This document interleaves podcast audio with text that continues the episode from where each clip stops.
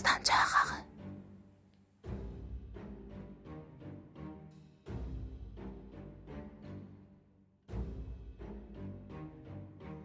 Rəhmətin az qalırdı ürəyi qırılsın. Onu bir partizanla değişik tutmuşdular. Hər nə qədər and içirdi, inanmırdılar. Bir sorğuçuyla iki gözətçi onu sürüyürdülər. Neden? Bir noktenin o yan bu yan olduğundan dolayı. Bu kişi çirkin üzüyle qabarıq əngiyle onun yanına gelmişti. Rəhmət belə sanırdı, Rəhmət Şəhbər adında birisi varsa bura gəlməməsi, Rəhmətin soyadını artırdığı nöqtənin geri almaması, bütün bu işgəncələri çəkməməsi, həm də bir qəhrəman kimi özünü göstərməməsi üçün rahatdır. Çox zalim bir adam olacaqmış. Buna görə ki, bir partizan olaraq işgəncələrə dözmək su içməkdən daha rahat. Rəhmət bir adresi Behram Sepehrin adresinin yerine sorğuçuya vermişdi. Sorğuçu eşiyə çıxıb Rəhmət telefon nömrə tutma səsini eşitmişdi. Sorğuçu telefonla birisiyle danışmışdı. 10 dəqiqə sonra telefona zəng gəlmişdi.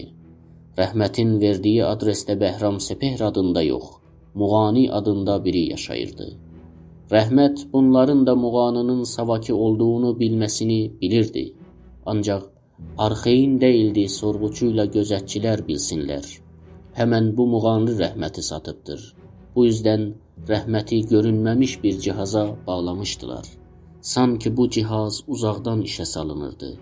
Tərsə sayı saymaq başlanıb, sorğu otağın tavanını yarıb, göyün üzündən baş çıxardacaqdı. Ölsəydi nə qədər dincələrdi. Birdən titrəməyə başlayıb hər yandan sıxıldığını duydu. Maraqlandı. İstəyirdi bilsin gövdəsi nə vaxt dinc duracaqdır.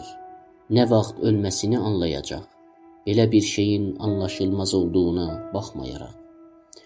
Gövdəsinin haçan tərpənişdən duracağını ürəkdən bilmək istəyirdi. Buna görə ki, bir belə tərpənişin bir gövdədə yığışması olumsuz idi. Sıxışdırmanın sınırdan keçməsi zaman her anda sanki daha da hırdalan uydu kimi bir şeyin içinde qışqırmağa başladı. Qorxunc bir sərsəmlə qışqırdı. Sonra görünməmiş duyğu biləsinə əl verdi. Başqa qışqırıqlar onun qışqırığına yanıt verdilər. Ancaq tansıq kimi bir yöndəmdə elə o beyninin iç-içə şəbəkəsinin içindən qışqırıqların ona minib qulaqlar, gözlər, dizlər, beyin, ürək özellikle de beyni görünmeyen körpülerin üstünde onu sürmeklerini duyurdu. Bir de onu cihazın içine koymak yerine o cihazı beynine yerleştirilmesini hissedirdi. Qışqırıqların sıxışdırması o kadar çok hem de güclü olduğundan ortadan cırılan bir elastik bağ kimin beyni cırıldı. Daha yok idi. Ancak qışqırıqlar var idi. Aradan getmirdilər. Sorğuçuyu yanıtlayıb deyirdilər: Rəhmət Şəhbər tapılmasa bir Rəhmət Şəhbər Rəhmət şəhirdən düzəlməsi gərəkir.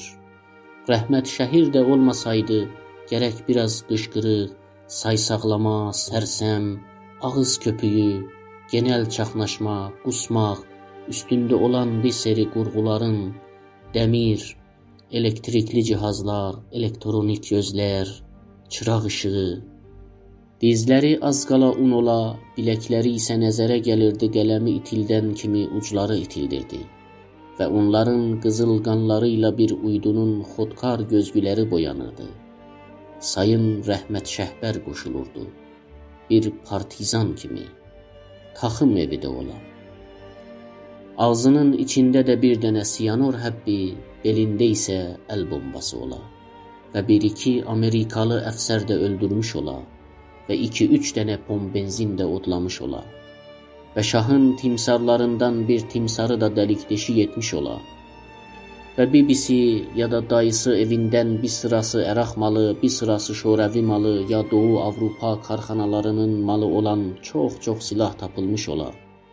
Elə ola, soralar güvənlik sorumlularından gözəl üzlüsü televizyona gəlib silahların hamısını masaların üzərinə düzüb derece bir uzmanlara tay bu tapılmaz, şaşırdıcı hem de pozucu silahların adını dalbadal diye və partizanların işləri üçün elə sözləri kullanaydı təkcə güvənlik sorumluları, partizanlar, casuslar, casuslara qarışlar, tutsaqlar həm də tutsaqçılar biləydilər.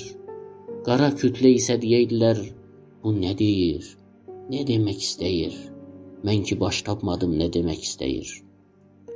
Sonra gözlərini açanda ilk harda olmasını bilmədi.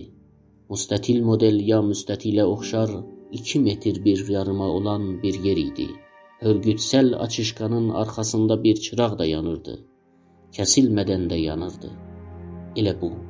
Halı yerine gelmeyince türmesi olan hemen yerde kalıp özünün sorguçusuyla gözetçilerden başka kimse onunla danışmadı.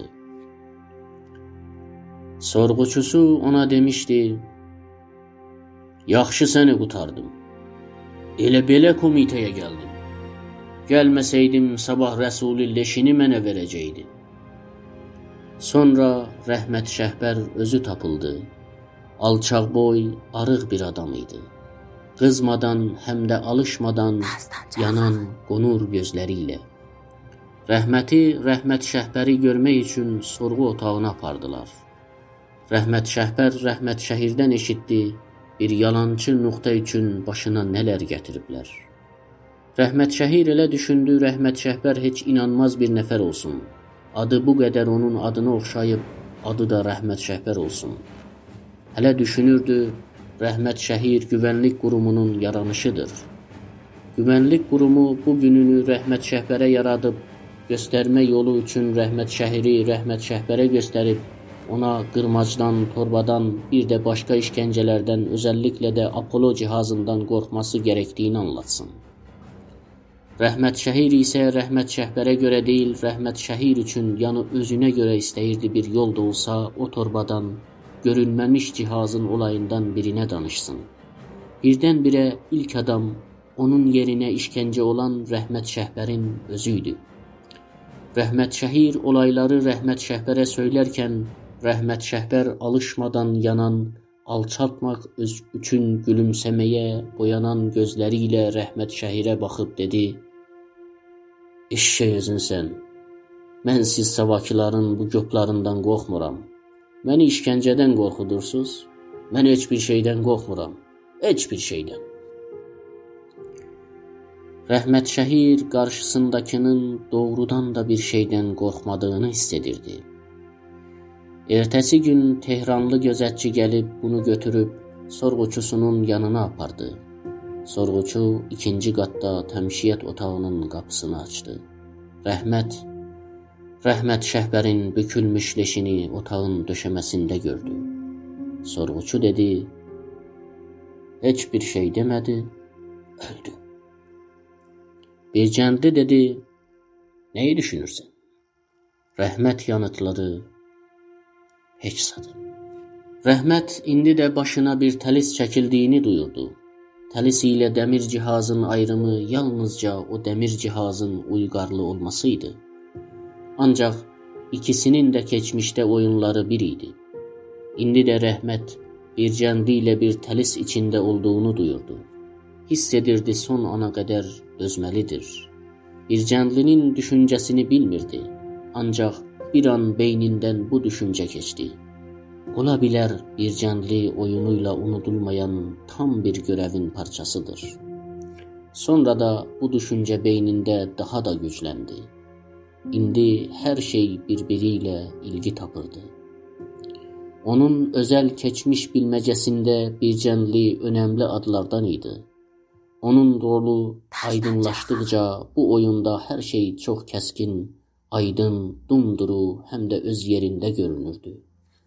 Beyni yola düşüb hər şeyi doldurub bilməcə bütünlənirdi. Birdən maraqlandı. İşkəncənin ilk günü qamçının enməsindən bir an öncə də düz belə bir duyğusu var idi. İstəyirdi acının nə qədər olduğunu bilsin. Sanki onu maraqlandırmaq üçün vururdular. Sanki beyni gövdəsindən ayrılmışdı ancaq onu yargılayırdı. İstəyirdi insanın bədəni nə qədər işgəncəyə davam gətirəcəyini anlasın. Bu yüzdən işgəncə etmək elmi biologiya bir qonuya çevrilmişdi. Ona qırmac vurduqca beyni daha da maraqlanırdı. Özündən gedənədək gövdəsinin sınamasına davam vermək istəyirdi. Bu dönədə təlis içində olmasını duydu. Amma daha gövdəsinə toxunmadan möhkəmcəsinə bir şey bədən üyələrinə vurmadan maraqlanmışdı. Sanki iki istənc bir-biri ilə savaşdaydılar. Dedi, bir şeyi düşünmədiyimi deyə bilmərəm. Sanıram bütün bu zamanlar səni düşünürdüm. Bir cəndli qandalı yuxarı çəkdi. Elə ki, rəhmətin də əli çəkildi. Bir cəndli dirsəyi üstündə yerindən qalxdı. Nədən məni düşünürdün? Hə? Nədən? Sənin də bu olayın bir bölümü olduğunu düşünürdüm. Təkcə bu. Nəyin bölümü? Olayın. Hansı olay? Niyə boş söz danışırsan? Rəhmət istəyirdi hər nə olursa olsun, ancaq sözlərini çox düzgün desin.